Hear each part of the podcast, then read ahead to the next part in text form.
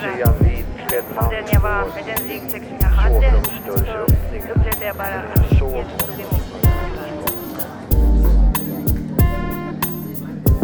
Röster från Sankta Clara med Maj-Lis Johansson.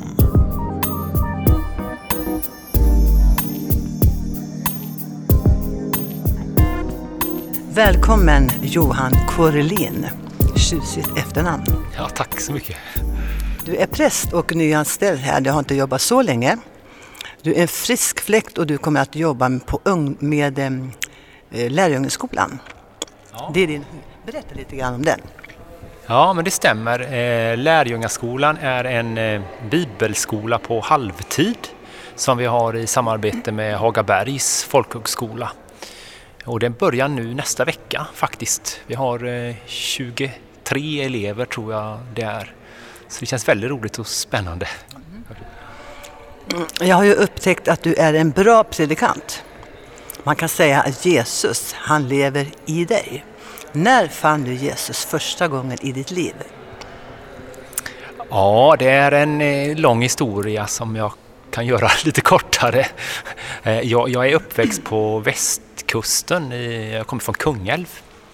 Eh, och, och det är en del av landet som är väldigt präglat av Eh, den gammalkyrkliga väckelsen eh, som fanns där. Och jag är, min släkt och min familj var väldigt gammalkyrklig när jag växte upp. Så att, eh, jag fick med mig tro på Gud och, och gå i kyrkan och så här som en, en självklarhet från början.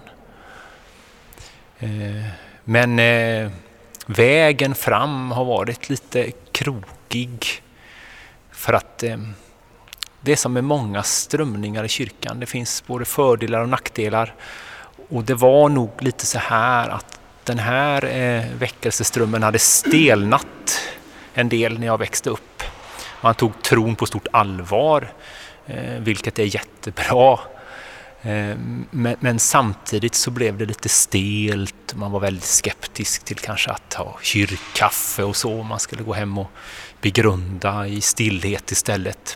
En, en god tanke men, men för mig var det svårt att hitta en, en levande tro. Eh, och jag blev mer ifrågasättande till om jag hade någon god anledning till att tro egentligen när jag närmade mig tonåren. Eh, när, jag, när jag funderar så här efteråt på, på vilken bild jag hade av Gud och, och vad det kristna livet innebär så var det väl ungefär att man, man skulle gå i kyrkan, man skulle be aftonbön, man skulle inte jobba på söndag. Eh, och, och, och, då blev Gud nöjd med den, ungefär så, så var det. Men, men jag tyckte det var tråkigt att gå i kyrkan. Åtminstone när jag var 12-13 år gammal. Eh, och jag såg inte livet i det. Så att då drev jag bort ifrån kyrkan under en period. Det kanske du gjorde rätt i, för du, du, man kan säga att du lämnade det torra för att få lite mer liv. För att en torr kyrka är tom kyrka brukar jag säga. Men får Jesus plats i kyrkan då blir den full som den är här på Sankta Clara kyrka på söndagarna. Vi skryter inte över att kyrkan är full utan vi tackar för att den är full. Mm. Och vi är ju en bedjande församling. Vi ber ju två gånger per dag och det har vi gjort i många, många år. Tror du att bönen är det absolut viktigaste i en kristens liv eller är det bönen och ordet? Bön är själva livsnerven i det andliga livet, det är jag helt övertygad om. Sen så, så, är det ju en helhet att, att vi tar del av Guds nåd, att han föder en tro, eh, att vi ber, att vi tar vårt lärjungaskap på, på allvar. Eh, och, och här i Sankta Clara så ser jag ju absolut det att, att bönen bär, men jag ser ju också ah, hur många människor som lever i efterföljelse och, och vill komma vidare i sin tro, att, att leva i, i renhet och överlåtenhet och sådär. Och det tror jag är en styrka. Eh, och så var det för mig när jag, när, jag, när jag växte upp och lämnade kyrkan, att jag såg inte livet. Men, men frågorna om, om Gud, om Gud fanns eh, och så vidare, det lämnade mig inte i fred. Så att så småningom så sökte jag mig tillbaka till kyrkan igen i en, ja, en närbelägen kyrka. Och då mötte jag människor som kunde vittna om sin tro. Eh, och jag upplevde det för första gången väldigt annorlunda, att det här var någonting levande för dem, inte bara ja, troslära eller regler man skulle följa. Och det förändrade mig ganska omgående. Mm. När det gäller den kristna vandringen, mm. de flesta berättar om barnatron. Du bad Gud som haver och Gud som haver, det är inte ovanligt att människor säger när man pratar med dem. Och Barnens bibel nämns nu och då. Har du läst Barnens bibel? Ja, jag har bett Gud som haver. Jag har läst Barnens bibel i, i högsta grad. Jag har läst den här gamla klassiska som fanns med, av Anne de Vries, eller hur hennes namn uttalas, om du känner till den. Eh, och den öppnade mina ögon för den bibliska historien. Det är en väldigt bra introduktion till Bibeln. Absolut. jag menar det, om man läser Bibeln så inte begriper man som barn att man läser Bibeln så att säga. Utan jag läste ju den själv med, med enorm entusiasmen. Åh, oh, det var så spännande. Och ändå var det bara Gamla Testamentet faktiskt på min tid när jag läste barnens bibel. Jag läste aldrig nya. Men jag märker på dig att det, det, det är kvar, ordet. Mm. För som sagt, när vi börjar intervjun så talar jag om att när du talar så talar du liv och tror på det du säger. Vad tror du att det, vad det beror på att kyrkorna är tomma? Är det för att det inte är liv där?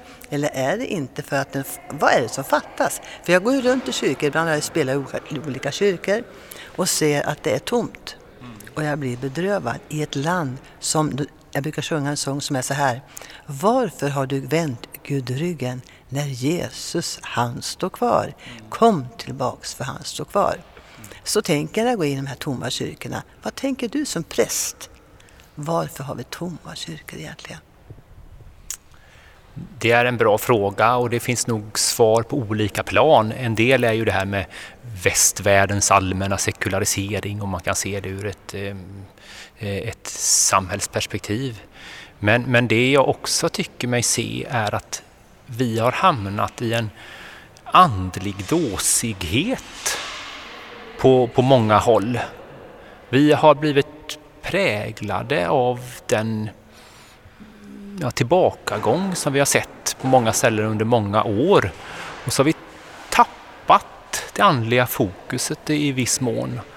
En del människor jag mött är också desillusionerade och lite modlösa och de vet inte riktigt hur, hur en församling är som är fylld av andligt liv. Eh, och det tror jag är en, en anledning till att det är så många som har sökt sig hit genom åren. Och jag tycker ständigt jag hör det, att, att människor talar gott om Sankta Clara och, och, där fanns det ett andligt liv och så. Och, det, och det, det, är också min bild, det är också min erfarenhet sen jag kom hit. Man, man, man kommer innanför dörren och sen så sveps man med på något vis. Det är någonting som lyfter. Det var lika för mig när jag kom hit. Jag tänkte, vad är det här i atmosfären? För trots att jag bodde i Stockholm så hade jag aldrig varit in här mer än tre gånger, bara hastigt. Och då fick jag svar, det är bönen som bär atmosfären här på Sankta Clara. Och det har vi ju fått svar på genom dig nu då. Du är gift och har barn och du bor inte här i Stockholm utan du åker emellan.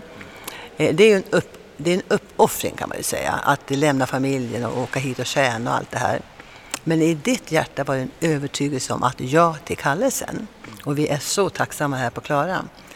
Vad ska du göra från och med den här dagen och framöver när det gäller lärjungeskolan? Vad är målet? Hur ska ni lägga upp det? Vad vill ni göra? För att folk som lyssnar nu tänker Oj, lärjungaskolan, det måste väl vara någon slags bibelskola? För det är ju bibelskola. Och jag har själv gått där och det är alltså bibelundervisning. Fast det heter lärjungaskolan för vi ska ju bli lärjungar. Berätta lite grann om lärjungaskolan nu, du har din chans att göra lite reklam för den. Ja, eh, att vi kallar det lärjungaskola det är för att det är både kunskapsförmedling men det är också en, en eh, inriktning på att förmedla andligt liv. Vi börjar varje dag med bön klockan åtta och sen är det undervisning då 9 till, till 12. Eh, och, och, och, vårt mål är också att människor ska få växa eh, i sin tro, även som människor. Eh, och bli rustade för att, att tjäna Gud eh, i, i, i livet. Och, och upplägget är väldigt enkelt egentligen. Vi har en lärare varje dag som har hand om undervisningen 9 till 12. Och vi har en, eh, en bas i, i, i de lärare som återkommer och så har vi ett antal gästlärare. Så vi har både det här med att vi lite systematiskt till exempel går igenom Bibeln men också att det kommer med jämna mellanrum någon utifrån och har ett tema, talar om den helige Ande eller om Israel eller, eller vad det kan vara. Hur ska de göra, de som är intresserade? Finns det, vad heter det, det finns bidrag alltså? Mm. Om ni säger att de har dålig ekonomi, berätta hur de kan få hjälp att kunna gå skolan. Eh, undervisningen är gratis eh, och man kan få CSN-bidrag om, om man är berättigad eh, till det. Eh, I övrigt så, så, får man försörja sig själv. Eh, man kan ju jobba halvtid och gå skolan eller om, om man, en, en del går för att de är arbetssökande också. Jag vet att det är många olika sorters människor, från pensionär till eh, ungdom. Mm. Och eh, ibland nyfrälsta, ibland gammelfrälsta, alla, alla möjliga sorter. Och eh, det är en underbar bibelskola. Jag får ju rekommendera den fast huset sitter här och är läraren.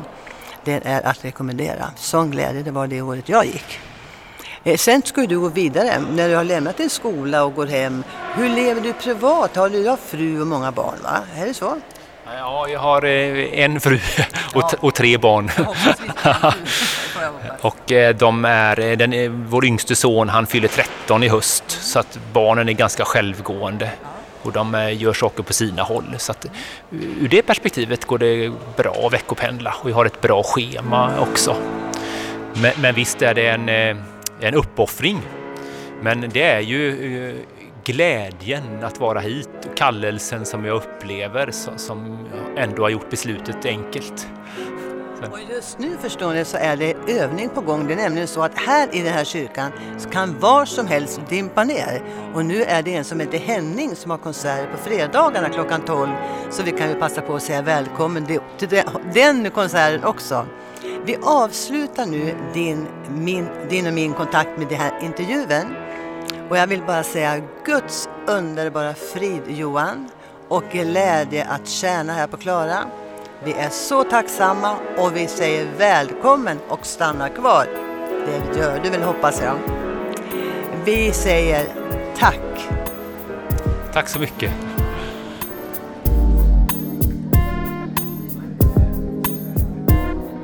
Har denna berättelse berört dig på något sätt? Eller kanske vill du att vi ber för dig? Kontakta oss på info Sverigeskristnaradio.se